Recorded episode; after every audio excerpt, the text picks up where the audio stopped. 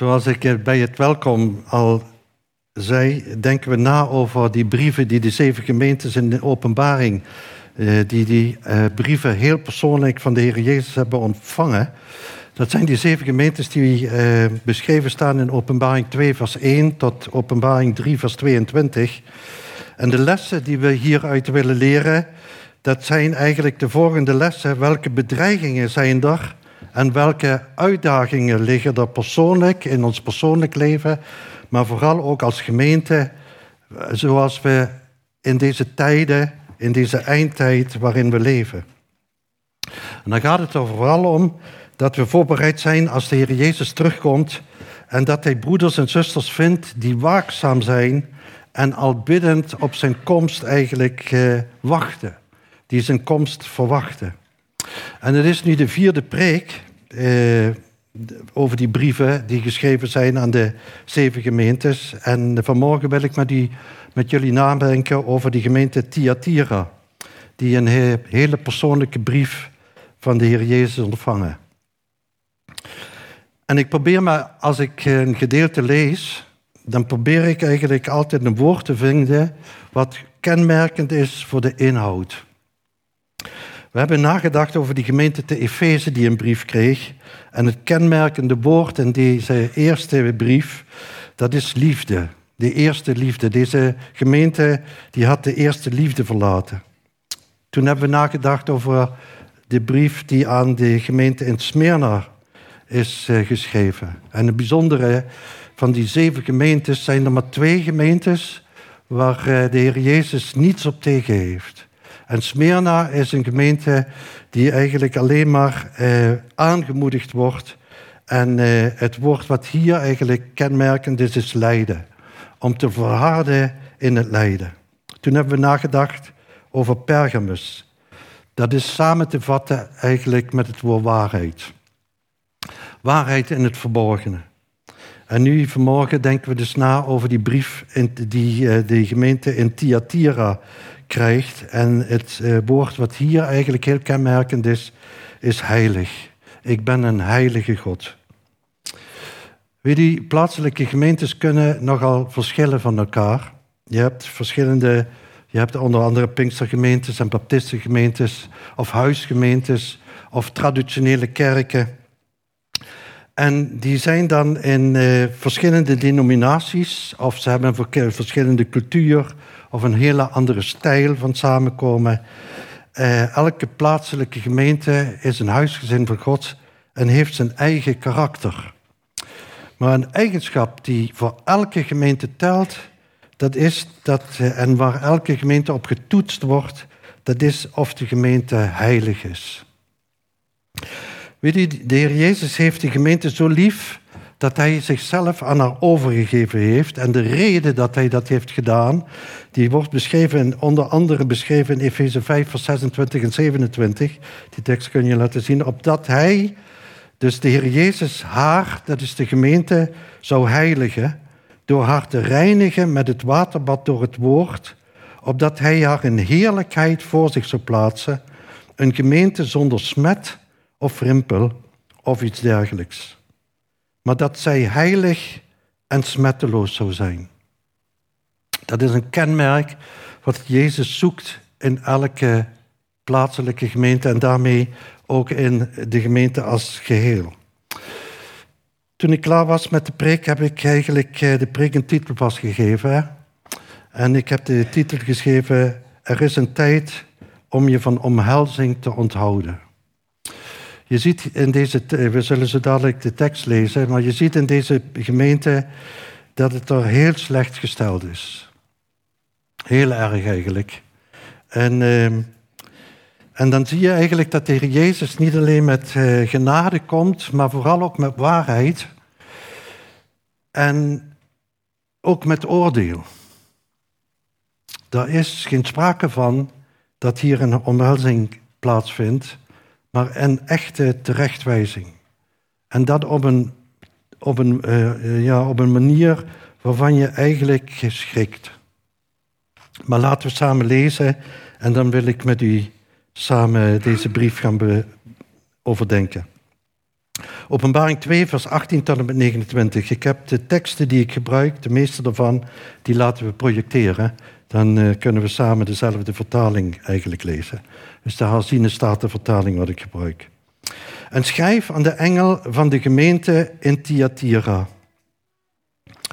Dit zegt de Zoon van God, die ogen heeft als een vuurvlam en voeten als blinkend koper. Ik ken uw werken, de liefde, het dienstbetoon, het geloof, uw volharding en uw werken. En ook dat de laatste meer zijn dan de eerste. Dus de gemeente die groeit daarin. Maar ik heb enkele dingen tegen u.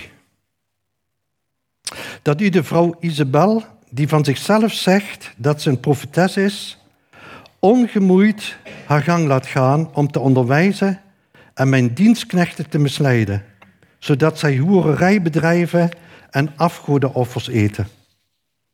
En ik heb haar tijd gegeven opdat zij zich van haar hoererij zou bekeren. Maar ze heeft zich niet bekeerd. Zie, ik werp haar te bed en breng hen die overspel met haar plegen in grote verdrukking, als zij zich niet bekeren van hun werken. En haar kinderen zal ik door de dood ombrengen. En alle gemeenten zullen weten dat ik het ben die nieren en harten doorzoekt. En ik zal u geven in ieder naar uw werken. Maar ik zeg tegen u en tegen de overige in Thyatira, voor, voor zover zij deze leer niet hebben en zij, zoals zij dat noemen, de diepte van de Satan niet hebben leer kennen, ik zal u geen verdere lasten opleggen dan deze. Houd vast aan wat u hebt totdat ik kom. En wie overwint en wie mijn werken tot het einde toe in acht neemt, hem zal ik macht geven over de heidevolken. En hij zal hen hoeden met een ijzeren staf. Ze zullen als kruiken van een pottenbakker verbrijzeld worden, zoals ook ik die macht van mijn vader heb ontvangen. En ik zal hem de morgenster geven. Wie oren heeft, laat hij horen wat de geest tegen de gemeenten zegt. Vader, het is een indrukwekkend gedeelte waar we over gaan nadenken. Moeilijk ook. En we willen u zo danken dat we vanuit die genade naar deze waarheid kunnen kijken. We willen u zo bidden dat u onze harten opent, dat het niet iets is wat ver van ons weg is, maar dat u deze brief gegeven heeft ook voor onze gemeente, voor deze gemeente, zoals elke brief. En ik bid zo, Heere God, dat we onder de indruk komen van uw heiligheid, van uw heerlijkheid en wat u zoekt in ons midden. Dat is mijn gebed tot verheerlijking van uw naam. In Jezus' naam, amen. Als je deze brief zo leest, en dat had ik in ieder geval, eh, dan denk ik, zo'n brief wil je toch niet als gemeente ontvangen. Dat zo'n brief hier binnenkomt en ik eh, deze brief moet openmaken en op zondagmorgen uh, jullie moet voorlezen. Er is een compromis met de wereld aangegaan ze hebben de zonde als het ware ingeademd. De heiligheid weg is weg en de zonde wordt getolereerd. In die eerste drie brieven die we behandeld hebben, was er ook sprake van, maar er werd nog de zonde gehaat. In Smyrna is er sprake van het lijden en stond de synagoge van de Satan. In Pergamus wordt beschreven dat, het, dat daar de troon van Satan is. Maar hier is sprake van dat ze de diepte van de Satan hebben leren kennen. Er is immoraliteit, valse lering en de wereld is binnen. En wat zo schokkend is, dat vind ik althans zo schokkend, dat het naast liefde, dienstbetoon, geloof, volharding in de werken, kan een grote immoraliteit, valse lering en afgoderij getolereerd worden. En deze kerken zijn er ook nu. Deze brief die wordt al 2000 jaar in de gemeente behandeld. Het is niet de eerste keer dat die in deze tijd wordt behandeld. Er zijn veel gemeentes waarschijnlijk die er op dit moment bij bepaald worden. Het is niet alleen een waarschuwing voor deze gemeente, dus ik bedoel dan de Thyatira in die, uh, in tijd, zoals die brief toen geschreven is, dat Johannes die in Patmos eigenlijk uh, beschrijft en dat die naar deze zeven gemeentes gestuurd wordt. Het is niet alleen een, voor de Thyatira een waarschuwing, het was ook een waarschuwing, want deze brieven, alle zeven brieven, die werden ook in al deze zeven gemeentes, werden die voorgelezen. Maar met name werd het genoemd voor welke gemeente dat bestemd was. Maar omdat deze brief eindigt met dit zegt de geest tegen de gemeenten in meervoud, uh, is het ook door de tijd heen voor alle gemeentes geschreven. Ook voor onze gemeente.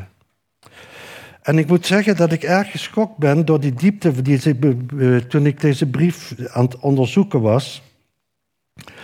En weet je, het voordeel is, dat zei ik ook tegen Rietje, als je je verbindt aan series, zoals ik dat doe, ik wil altijd series spreken en preken van vijf tot acht series. De Richter hebben we tien eh, preken over gehouden. Maar hier zijn dan een serie van zeven.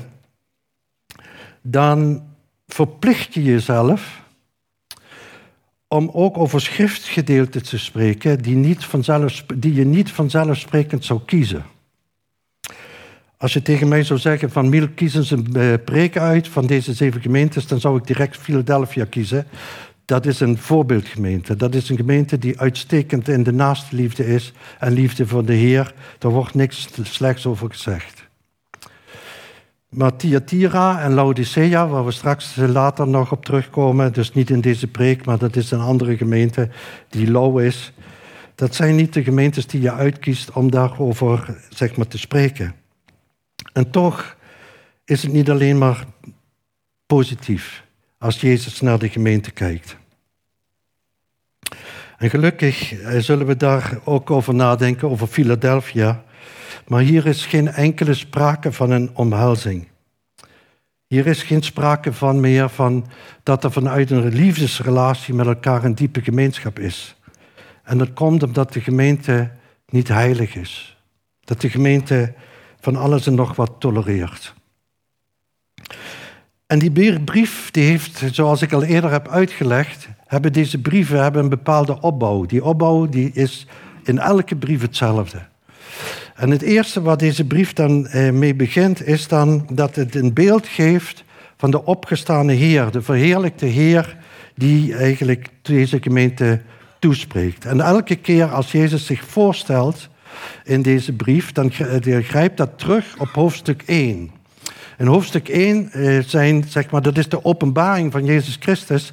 Die openbaring van wat voor de mens verborgen is geweest, doordat hij een menselijk lichaam had. Maar in openbaring 1 schildert eigenlijk de Heer Jezus in zijn volle glorie, in zijn God zijn, in zijn heerlijkheid. Dat is ook waarom uh, uh, Johannes, als hij de Heer Jezus dan ontmoet, dat, hij als dood voor zijn voeten neervalt, alhoewel hij drie jaar met Jezus is opgetrokken. En deze brieven die beginnen altijd om terug te grijpen op datgene wat, uh, wat in openbaring 1 geopenbaard is. En dan wordt dat gedeelte gekozen waar Jezus eigenlijk zich voorstelt. Dat grijpt altijd terug wat heel specifiek is voor deze gemeente. En in deze gemeente die wordt, uh, daar wordt gesproken dat de Heer Jezus zegt in Openbaring 2, vers 18: Dit zegt de Zoon van God, die ogen heeft als een vuurvlam en voeten als blinkend koper. En het bijzondere is eigenlijk dat in al die andere zes brieven wordt letterlijk genomen wat in Openbaring 1 is geopenbaard. En hier is het anders. Hier bestaat, dit zegt de Zoon van God, die de ogen heeft als een vuurvlam en voeten als blinkend gewaad. Maar in Openbaring 1, eh, vers 13 staat, de Zoon des Mensen, zijn ogen waren als een vuurvlam Zijn voeten waren als een blinkend koper. Dat is een heel markant verschil. Maar eh, in openbaring 1 stelt de Heer Jezus, of stelt hij zich voor, en dan ziet Johannes, die kijkt en dan ziet daar de zoon des mensen, eh, staat er. Ogen als een vuurvlam, eh, voeten als een blinkend koper. En hier zegt de Heer Jezus, dit zegt de zoon van God. Niet, dit zegt de zoon des mensen. Dit zegt de zoon van God. En wat heeft dat, wat, waarom is dat zo'n markant verschil? Als eh, openbaring 1 voor de zoon van mensen, over de zoon des mensen spreekt, dan gaat het over mededogen. Dan gaat het over bewogenheid, over zwakte, over vermoeidheid, over strijd, over bemachtigheid, genade. Zoals we zo vaak zeggen, hij kwam bij ons heel gewoon, de zoon van God als mensenzoon. Iemand onder ons die een lichaam heeft aangenomen. Het gaat dan over die genade die hij toont, die uh, bewogenheid die hij heeft, de zwakte en de honger die hij gekend heeft. Maar als hij zich voorstelt over de zoon van God, dit zegt de zoon van God, dan gaat het over heiligheid, over rechtvaardigheid, over oordeel, over overwinnaar over het kwaad, een waarachtige heerser, een rechter over de wereld. Ogen als een vuurvlam, hij die alles doorziet, niets is voor hem verborgen. Waarheid in het verborgene. Zoals dat in vers 23 staat, hij doorzoekt de nieren en de harten. En de nieren, dat is de zetel van ons gevoel. En het hart is de bron van ons denken. En dan wordt deze gemeente, die wordt beschreven. Die wordt beschreven in vers 19, daar staat dan, ik ken uw werken. Ik vind het altijd heel bijzonder dat de Heer Jezus zegt, ik ken u. En dan komt er een opzomming. Maar dat betekent gewoon, hij kent de gemeente. Hij weet wie die gemeente is. Hij weet wat de inhoud is. Hij weet waar ze doorheen gaan. Ook als het gaat bijvoorbeeld bij Smyrna, dan weet hij dat ze door het lijden heen gaan. Hij weet, hij kent de gemeente. En hier ook. Dan zegt hij, ik ken uw werken, de liefde, het dienstbetoon, het geloof, uw volharding en uw werken. En ook het laatste, dat de, dat de laatste meer zijn dan de eerste. En je kunt je nu de vraag stellen, dat doe ik altijd, hoe kan dat nou? Hoe, dat, dat, dat, hoe kan het nou dat in mijn denken krijg ik het soms dan niet in elkaar, met elkaar in overeenstemming gebracht? Hoe kan het nou dat er liefde is, geloof is, volharding is, allemaal eigenschappen die ook over de Thessalonicense gemeente geschreven staat, een kenmerk van, van uh, christen zijn, een kenmerk van een diepe afhankelijkheid van God. En dat er dan zo'n onheiligheid in de gemeente is. Dat er dan zoiets beschreven wordt over dat ze zich overgeven aan ontucht, zich overgeven aan horerij, dat ze eh, zich overgeven aan afgoderij. Nu is het bekend in de gelijkenissen, eh, zegt de Heer Jezus, spreekt daar ook over, dat de plaatselijke gemeente, dat is een mix van gelovigen en ongelovigen. Van echt en onecht. Soms is het niet te onderscheiden. En wordt, het pas straks eh, wordt, het, wordt dat onderscheid pas straks gemaakt. Maar er is een mix in de gemeente. Er zitten mensen die de Heer Jezus kennen als hun Heer en Verlosser. En mensen die op zoek zijn. Maar er is een, een, een mengeling, een mix, mix van gelovig en ongelovig. En hier zijn ook is sprake van dat er deze waarden zijn. En die, groei, die gemeente groeit ook. in die zin dat uh, Jezus zegt, hetgene wat er eerst was, uh, wat er nu is, is meer als wat er eerst is.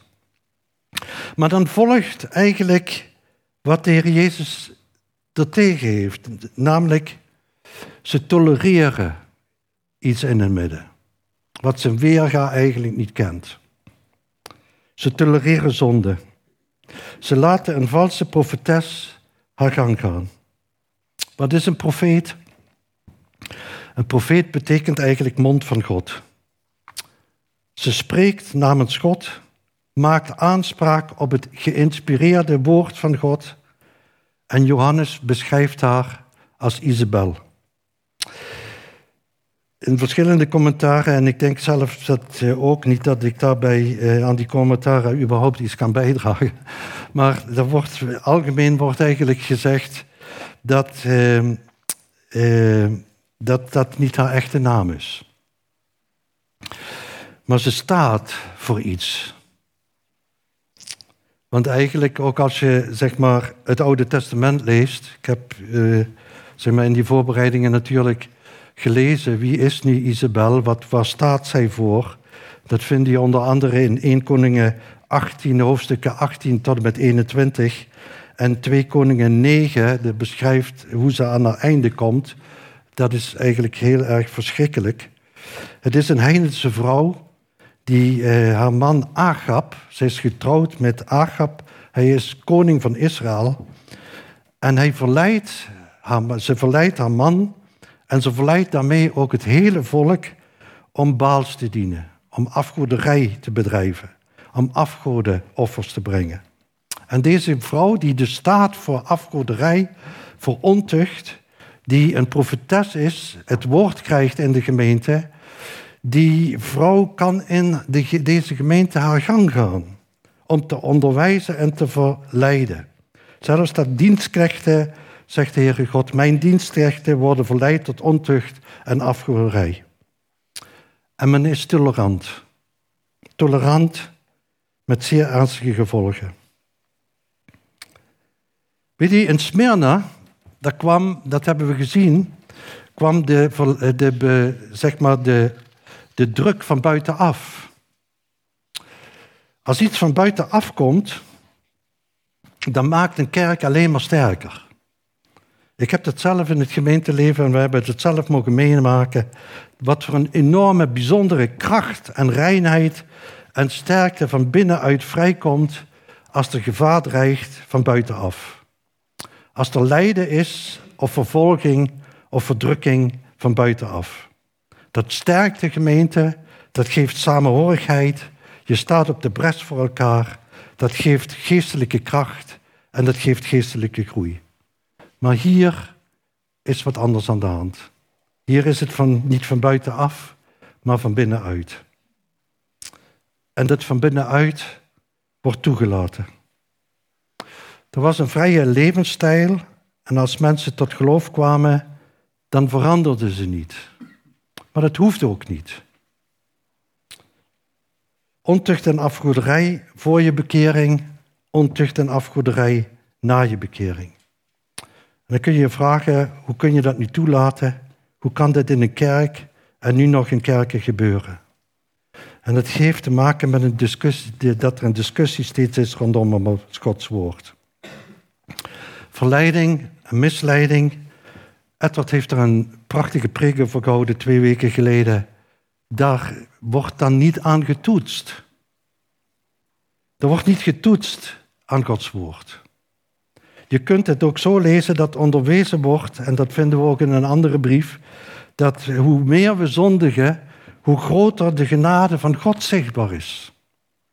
Een profetes die beweert Gods woord te spreken, die niet getoetst wordt aan Gods woord, en, eh, en haar wordt geloof geschonken.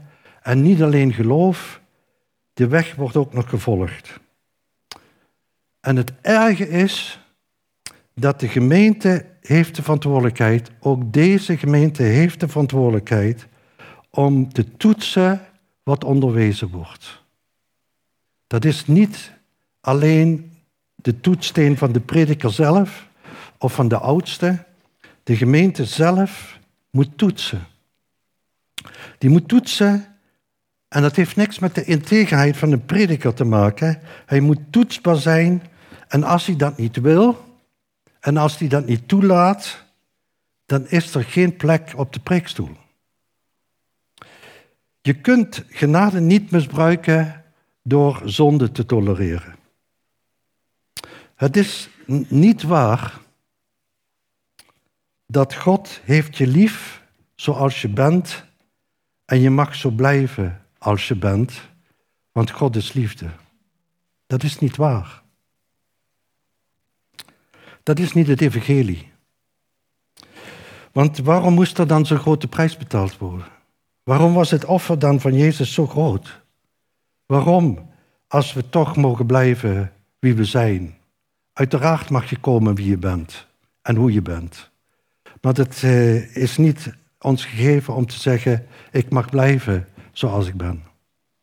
Ik weet zeker dat Rietje er niet, mee blij, niet blij mee was als ik eh, nu na 50 jaar trouwen, dat we getrouwd zijn, dat ze dezelfde man had als toen, ze, toen we uh, in de echt verbonden werden. Daar zou ze niet blij mee zijn. En ook God is er niet blij mee.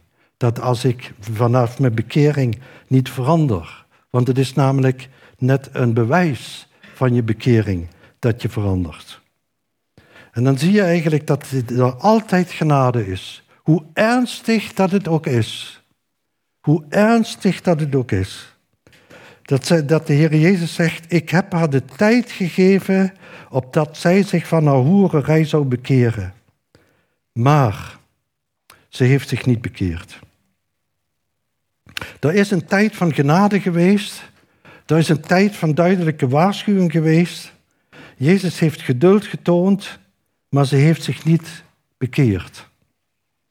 En dan volgt een uitspraak, een oordeel waar je adem van stokt.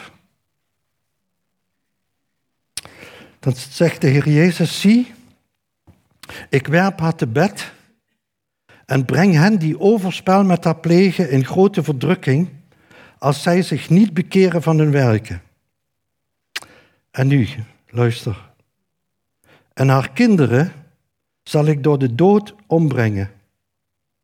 En alle gemeenten zullen weten dat ik ben die nieren en harten doorzoekt, en ik zal u geven in ieder naar uw werken.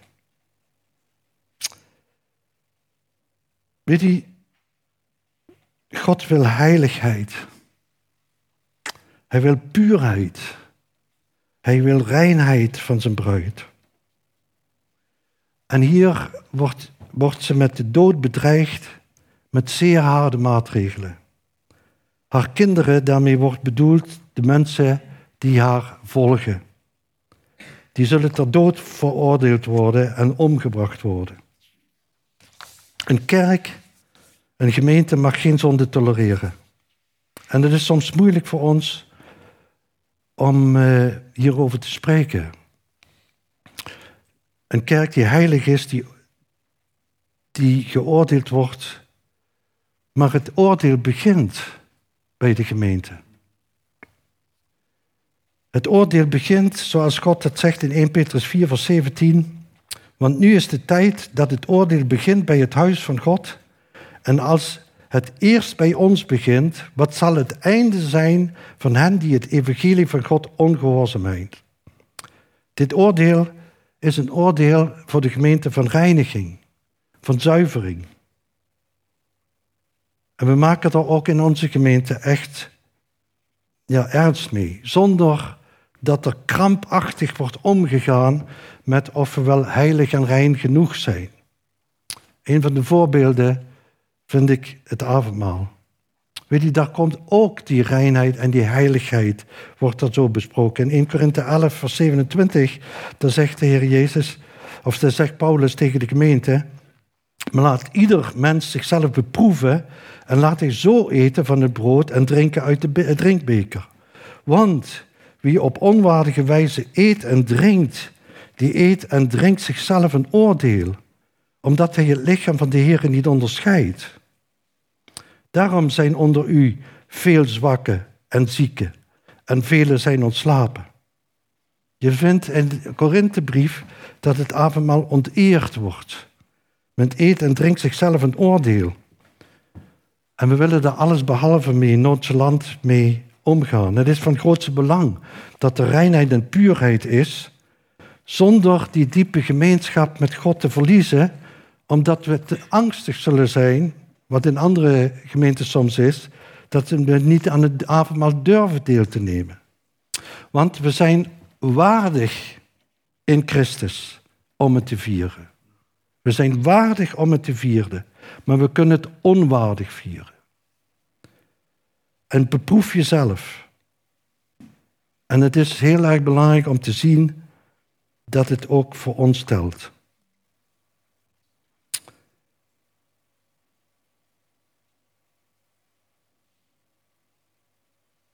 Ik weet dat het een hele ernstige boodschap is, maar het is een hele ernstige brief.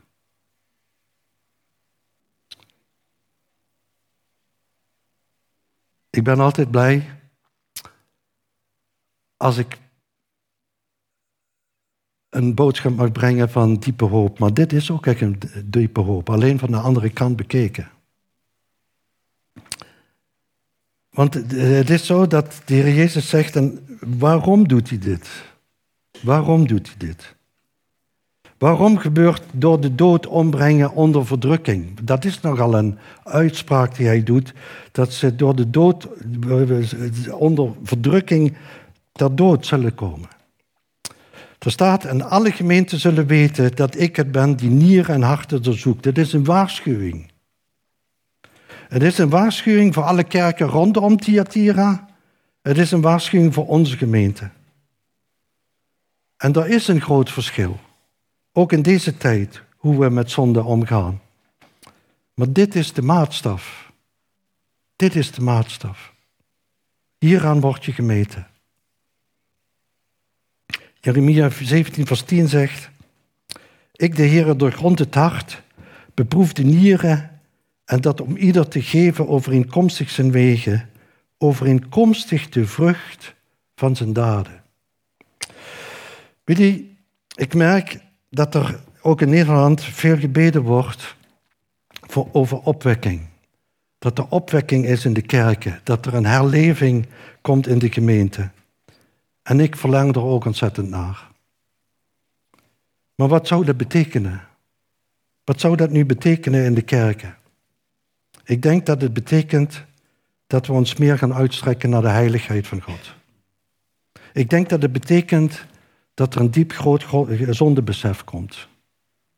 Ik denk dat het betekent dat de liefde voor Jezus Christus de echte schat wordt van ons leven dat, zoals uh, Stefan er gesproken heeft, dat als we, over die, als we God echt in zijn heerlijkheid zien, dat de vreugde geen keuze is, maar gewoon een reactie is op wie hij is. En dat we de vreugde in hem vinden. Ik ben er echt van overtuigd dat als er echt een opwekking is, dat we die heiligheid, die majesteit, die grootheid van God, dat dat diep, diep, dat we daar diep van onder de indruk komen. En dat er een diepe zondebesef is en liefde voor Christus, dat die ontzettend groeit. Het gevolg daarvan zijn, het gevolg is dat mensen tot bekering komen. Het gevolg daarvan is dat mensen Christus vinden, omdat wij zelf echt het leven wat we beleiden. Opwekking in gemeentes gaat gepaard met toewijding. Onder tranen zien wat er gedaan is, hoe we met zonde omgingen en hoe we dat getolereerd hebben. Weet u, zoals ik bij je welkom zei, we schrikken daar eigenlijk niet van op. Die gemeente in Thyatira, ik denk dat ze de, de gedachte hebben als ze daar als gast was, dat ze goed bezig zijn. Ik ben daar echt van overtuigd. En dat ze wijzen op die goede dingen, die liefde, dat ze toch waarschijnlijk een actieve gemeente is met veel goede werken en volharden in die werken. Tot dat Jezus zelf in de gemeente is. Totdat Hij zichzelf in zijn heiligheid toont. Dan schrikken we. Dan schrikken we echt op. En dan zien, dan zien we eigenlijk dat we soms onder tranen onze zonde moeten beleiden. En ik wil het niet laten gebeuren, niet in mijn leven, dat ik ben als Pilatus. Dat ik me zijn handen was in onschuld en wegkijk. Die eerste liefde voor Jezus zonder compromis te sluiten. En dan komt die bemoediging. Nu komt er een gedeelte dat is voor de gelovigen. Ik vind het indrukwekkend dat Jezus nu de gelovigen aanspreekt. In vers 24 zegt hij: Maar ik zeg tegen u en tegen de overigen in Thyatira. Voor, voor zover zij deze leer niet hebben en zij, zoals zij dat noemen, de diepte van de Satan niet hebben leren kennen. Ik zal u geen andere last opleggen dan deze. Houd vast aan wat u hebt totdat ik kom. Diegenen die overbleven, houd vast. Jezus weet wie dat is. Hij weet hoe diep dat er kan raken. En Jezus spreekt tot de overigen met de woorden, en dat vind ik wel eigenlijk heel bijzonder. Hij spreekt niet, ga weg, ga naar een andere kerk. Als dit in gemeente in Nederland gebeurt, dan heb je zo twee, drie gemeentes. Ik vind het indrukwekkend dat hier niet een opdracht wordt gegeven van ga uit, ga weg. Ik zal je geen andere last opleggen. Een andere last, concreet betekent dat gewoon het verbod om deel te nemen aan die heidense godsdienst, vorm van ontucht en vlees eten wat aan afgoden geofferd is. En naast dat wordt er geen andere eis gesteld. Houd vast hetgeen je hebt tot zijn komst. En datgene wat dan genoemd wordt is wat zij hebben, die liefde, het dienstbetoon, het geloof, de verharding van uw werken om dat vast te houden. Dat staat op het spel ook. Dat staat op het spel. Het wandelen in een heilige levenswandel. En dan komt die beloning. Ik vind het indrukwekkend dat er steeds weer opnieuw op het einde van de bedrijf een bemoediging komt voor diegenen die vasthouden. Diegenen die zich eh, daarop, eh, ja, die, die, die dat vasthouden Ondanks wat er uh, in de gemeente gebeurt. Ondanks wat er geleerd wordt. Dat ze vasthouden aan, zich vastklampen aan het enige wat ze zich aan kunnen vastklampen. En dat is Jezus zelf. Want dat is ook die beloning. In, in openbaring 1 vers 6. Daar staat dan die beloning die komt. En die ons gemaakt heeft als koningen, priesters voor God en zijn Vader. Hem zij de heerlijkheid, de kracht in alle eeuwigheid. Amen. Er is een moment dat heel dat systeem hier op aarde compleet vervangen wordt. Totaal vervangen wordt. Dat het voorbij is. En dat Jezus het koningschap aanvaardt. Dat Hij zal regeren. En zij die overwinnen met Hem. Maar dan volgt iets ontzettend groots. Ik heb daar echt uh, tijd aan besteed van hoe moet ik dat nu lezen? Want dat staat er, en ik zal hem de morgenster geven. Ik zal hem de morgenster geven. Wie is dan die morgenster? Openbaring 22, vers 16. Je kunt openbaring heel vaak zelf uitleggen door in openbaring zelf te snuffelen. Waar wordt het gebruik nog eens gebruikt? Openbaring 2, vers 16 zegt: Ik, Jezus, heb mijn engel gezonden om u in de gemeente van deze dingen te getuigen. Ik ben de wortel en het nageslacht van David, de blinkende morgenster. Het indrukwekkende is als Jezus zegt wie dat hij de morgenster zal geven, dan, dan, dan deelt hij zichzelf, zijn heerlijke status, zijn heerlijke hemelse heerlijkheid, zijn messiaanse status. Jezus geeft zichzelf. Hij deelt de overwinning met de gelovigen. Hij deelt de overwinning met de gelovigen. Ik zal u de morgenster geven. Hij zal zich zelf aan jou geven. Iets groters bestaat er gewoon niet. Nu sluit die brief af met die woorden steeds. Wie oren heeft, laat hij horen wat de geest tegen de gemeente zegt. En de vraag die ik u stel is, wat hebt u gehoord? Wat hebt u vanmorgen gehoord? Luister je? Dat is eigenlijk de vraag. Ook aan die gemeente. Luister je? Naast de groei in liefde en dienstbetoon, geloof en volharding van uw werken kan een kerk vervuild zijn.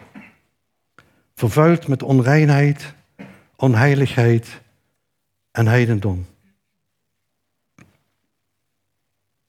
Wat heb je gehoord? Je kunt een kerk zijn die de zonde tolereert en dwalingen en ontucht en afgoderij zijn gang laat gaan. De wereld in de gemeente is binnen en de gemeente doet er niets aan. Wat heb je gehoord? De gevolgen is dat sommigen gedood worden. Gods heiligheid en rechtvaardigheid zal een oordeel vellen over het toelaten van de zonde.